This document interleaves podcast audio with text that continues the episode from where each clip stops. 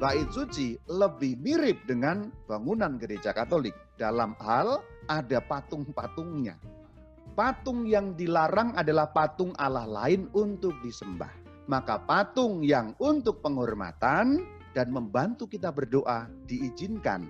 Sebagaimana patung ular tembaga diizinkan, patung kerub diizinkan, dan berbagai patung dalam bait suci diizinkan. Hal pertama yang harus kita tanyakan adalah apa kata Alkitab tentang patung. Yang pertama, Alkitab menyatakan bahwa Tuhan melarang patung. Keluaran 20 ayat 4 itu bicara mengenai larangan membuat patung. Catat ayatnya, jangan membuat bagimu patung yang menyerupai apa pun yang ada di langit di atas, atau yang ada di bumi di bawah, atau yang ada di dalam air di bawah bumi. Namun hal yang kedua, Tuhan menyuruh membuat patung. Yang pertama perintah pembuatan patung ular, saudara-saudari. Ada di bilangan 21 ayat 8. Jelas sekali Tuhan menyuruh umatnya membuat patung. Sangat jelas. Selanjutnya yang kedua, patung kerub kemah suci. Lihat keluaran 37 ayat 7. Perintah siapa pembuatan kerub ini? Perintah siapa pembuatan tabut alias tabernakel ini?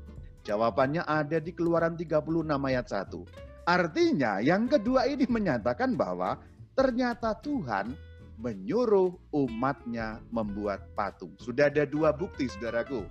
Sekarang patung-patung bait suci. Yang tidak banyak orang tahu, di dalam bait suci itu ada banyak patung. Jadi jangan dibayangkan bahwa tempat ibadatnya orang Yahudi steril dari patung secara gampang, secara gampang gambaran kita sekarang, bait suci lebih mirip dengan bangunan gereja Katolik dalam hal ada patung-patungnya dan Alkitab sendiri memberi banyak kesaksian kepada kita. Jadi kalau sekarang ada tempat ibadat tanpa patung lalu mengatakan ini yang benar, Katolik salah karena banyak patung.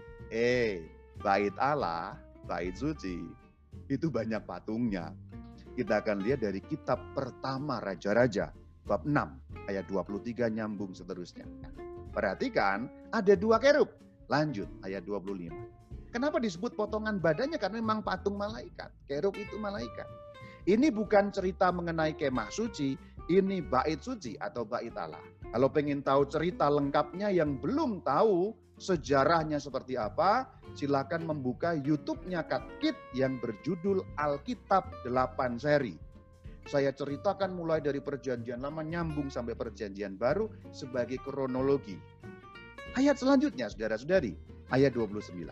Gambar ukiran artinya patung sama saja. Bukan dua dimensi tapi ada dimensi tiga. Sekarang kita lihat pada bab yang ketujuh. Masih kitab yang sama satu raja-raja. Ayat 28 dan seterusnya. Dan pada papan penutup yang diapit oleh bingkai itu ada apa?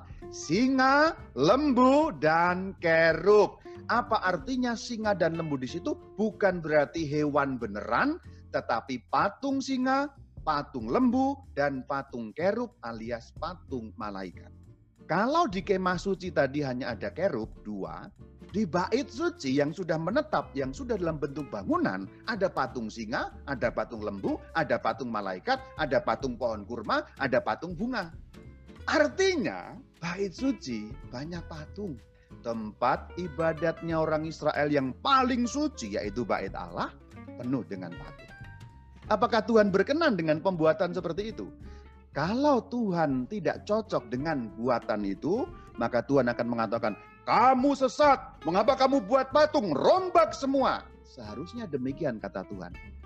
Tetapi kemudian cerita berlanjut setelah bait suci selesai dibuat dengan segala macam patung-patungnya tadi itu, seperti apa sikap Tuhan? Apakah Tuhan berkenan? Dijelaskan dalam kitab pertama Raja-Raja bab 9 ayat 1, 2, dan 3. Bagaimana firman Tuhan? Ditolak atau diterima rumah Tuhan atau bait suci tadi. Beserta dengan patung-patungnya tadi telah kudengar doa dan permohonanmu yang kau sampaikan ke hadapanku. Ini firman Tuhan. Aku telah menguduskan rumah yang kau dirikan ini. Dan seterusnya. Artinya Tuhan berkenan dengan segala patung-patung yang dibuat dalam bait suci tadi. Jadi ada tiga bukti. Saya pilih saja tiga bukti, ada lebih dari itu. Alkitab memuat suatu keterangan bahwa Tuhan menyuruh umatnya membuat patung. Lalu kita bingung. Lo disuruh atau dilarang? Dilarang atau disuruh? Katanya tadi nggak boleh bikin patung, kok sekarang patung bertebaran di mana-mana? Inilah saudara-saudari, perlunya belajar Alkitab, mendalami dengan ajaran yang benar dan dengan tafsiran yang benar bukan mendengarkan penuduh-penuduh yang tidak jelas yang mengatakan sesat itu patung, berhala itu patung, Alkitab melarang patung. Iya memang betul. Ada larangan membuat patung, tetapi juga ada suruhan atau perintah membuat patung. Di sini kita dibuat koplak sebenarnya. Bagaimana mungkin firman Tuhan yang sama dalam kitab yang sama ada dua perintah yang berbeda? Bukankah ini membingungkan? Pertama yang akan saya ajak kita lihat adalah keluaran 20 ayat 4 itu konteksnya apa. Tadi itu kan hanya satu ayat yang dicomot. Jangan membuat patung bagimu. Dan ayat ini cukup banyak digunakan untuk tanda petik. Mendebat atau bahkan menyerang gereja katolik. Gereja katolik salah. Gereja katolik sesat. Gereja katolik menyembah berhala. Tuh lihat keluaran 20 ayat 4. Jangan membuat patung bagimu satu ayat itu punya konteks. Konteks artinya ruang lingkup ayat itu sambungan narasi satu dengan yang lain, kaitan.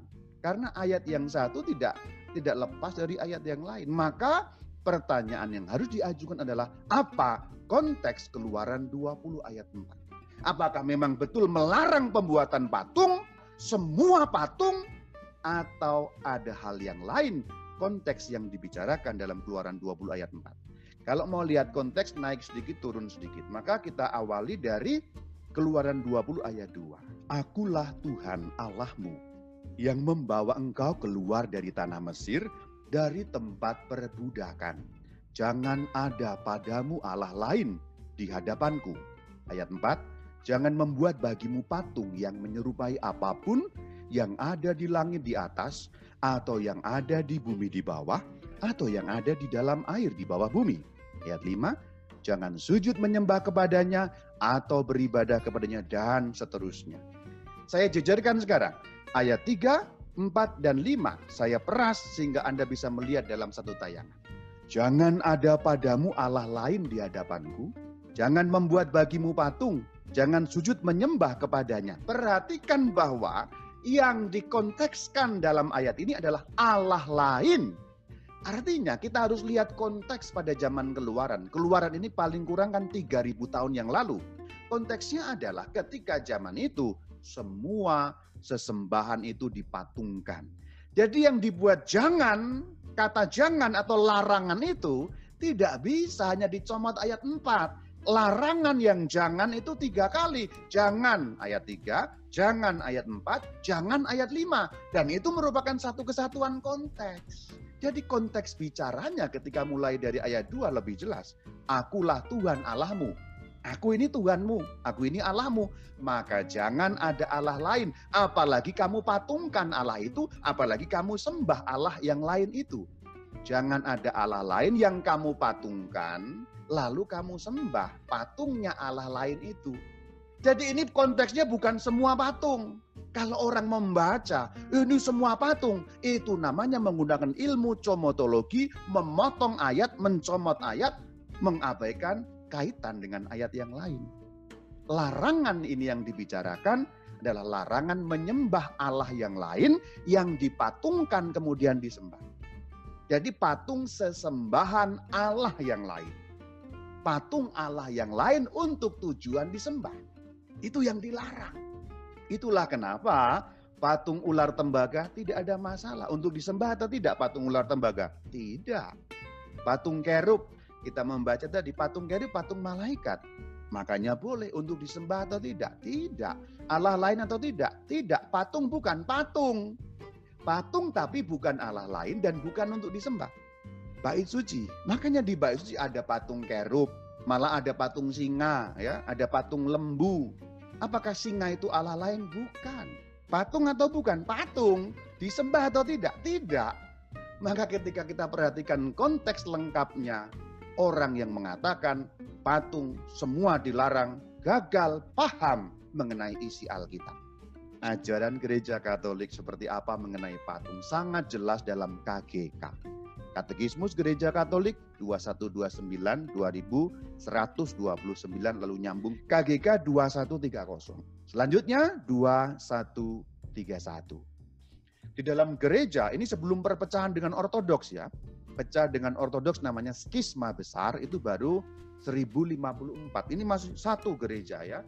Ortodoks dan Katolik masih satu dan memang sikapnya sama pada konsili yang ketujuh yang yang disebut konsili Nikea pada tahun 787. Jadi sebenarnya penolakan terhadap patung, terhadap gambar, terhadap ikon sudah ada di dalam gereja Katolik atau gereja Ortodoks tahun 700-an, abad ke-8 sudah ada. Tapi gereja menegaskan itu pandangannya keliru, yang benar ini. Karena Alkitab tidak melarang, malah tadi kan dikatakan menyuruh dan mengizinkan. KGK 2132 penghormatan Kristen terhadap gambar tidak bertentangan dengan perintah pertama yang melarang patung berhala, yang dilarang patung Allah lain. Nah, jelas ya, berarti tidak bertentangan, tidak melawan Alkitab dan tidak menyembah berhala.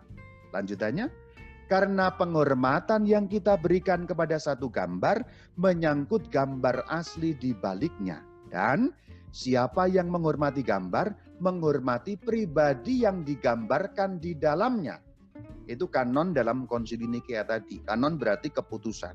Jadi kalau kita menghormati gambar, ini istilahnya gambar ya. Sekali lagi ada ada kekurangan istilah karena gambar itu image imago dalam bahasa Latin.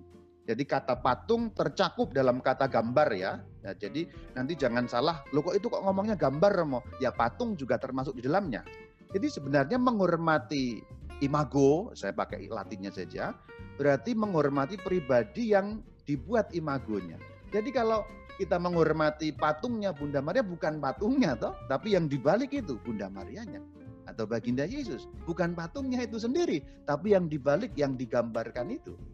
Berikutnya ini penting dicatat, penghormatan yang kita berikan kepada gambar-gambar adalah satu penghormatan yang khidmat, bukan penyembahan. Ini dibedakan sekali. Penghormatan bukan penyembahan. Menghormati tidak sama dengan menyembah. Kalau saya menghormati Pak Presiden, saya tidak menyembah Pak Presiden. Kalimat terakhir, penyembahan hanya boleh diberikan kepada Allah. Jadi gereja Katolik itu sangat pilah mengajarkan mengenai patung. Kesimpulan, pertama, Alkitab tidak melarang adanya patung. Nomor dua, patung yang dilarang adalah patung Allah lain untuk disembah. Nomor tiga, maka patung yang untuk penghormatan dan membantu kita berdoa diizinkan. Sebagaimana patung ular tembaga diizinkan, patung kerub diizinkan, dan berbagai patung dalam bait suci diizinkan. Shalom alaikum.